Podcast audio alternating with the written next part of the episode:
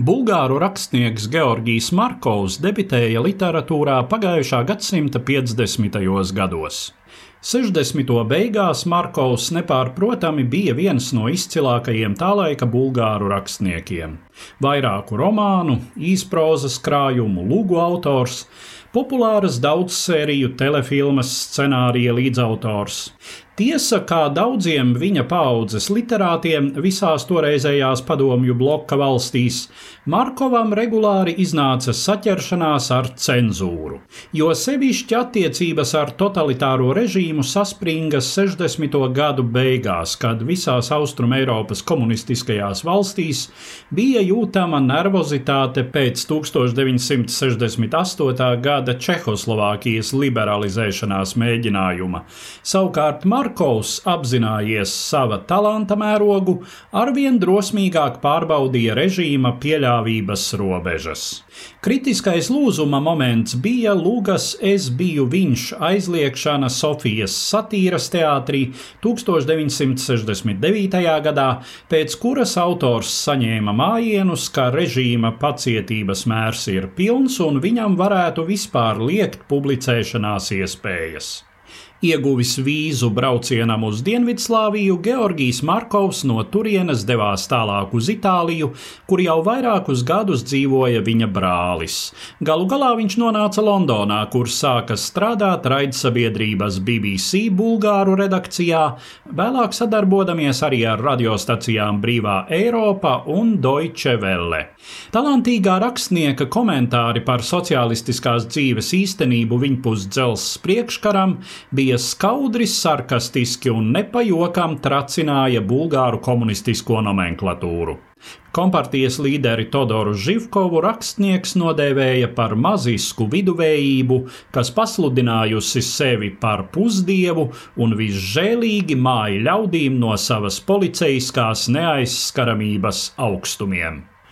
1978. gada 7. septembra rītā Georgijs Markovs kā ierasts gaidīja savu autobusu pieturā pie Waterloo tilta.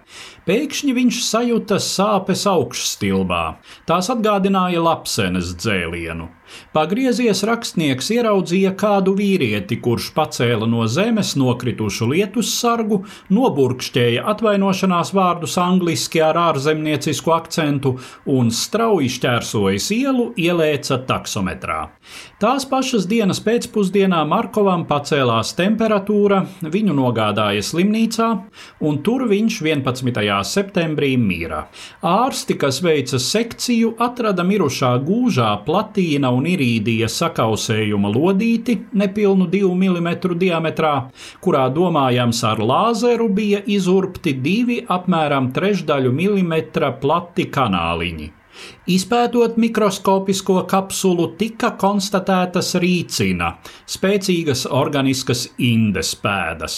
Tāpat izmeklētājus sasniedza ziņa, ka desmit dienas pirms Markova līdzīgu uzbrukumu Parīzē piedzīvojis cits bulgāru disidents Vladimirs Kostovs, taču viņa gadījumā indes kapsula acīm redzot bija tikusi bojāta un organismā nonācis tikai nedaudz rīcina, izraisot vienu spēcīgu drūdzi. Jau tūdaļ pēc Georgija Markova slepkavības retajam bija šaubas par to, ka tas ir komunistiskās Bulgārijas drošības dienesta KDS roku darbs. Dažu uz rietumiem pārbēgušu augsta ranga VDK virsnieku liecības apstiprināja arī aizdomas, ka kolēģus šai pasākumā atbalstījusi attiecīgā Padomju Savienības institūcija. Tomēr konkrētos izpildītājus noskaidrot tā arī neizdevās arī pēc Padomju sistēmas sabrukuma. Vairums dokumentu par Markova operāciju izrādījās iznīcināti, par ko pēdējam KDS vadītājam Vladimiram Todorovam nācās desmit mēnešus pavadīt cietumā. Ir aizdomas, ka konkrētais slepkava, vīrs ar lietus sargu, bijis Bulgāru drošības dienesta savarbētais itālietis Francesco Gullino, kurš savas šīs zemes gaitas beidza 2021. gada augustā. Mūža pēdējās desmitgades viņš pavadīja Austrijā, nodarbodamies ar antikvariāta tirdzniecību. Savu sadarbību ar komunistiskās Bulgārijas drošības dienestu Gullino atzinis, taču kategoriski noliedzis jebkādu saistību ar Georgija Markova slepkavību, stāstīja Eduards Liniņš.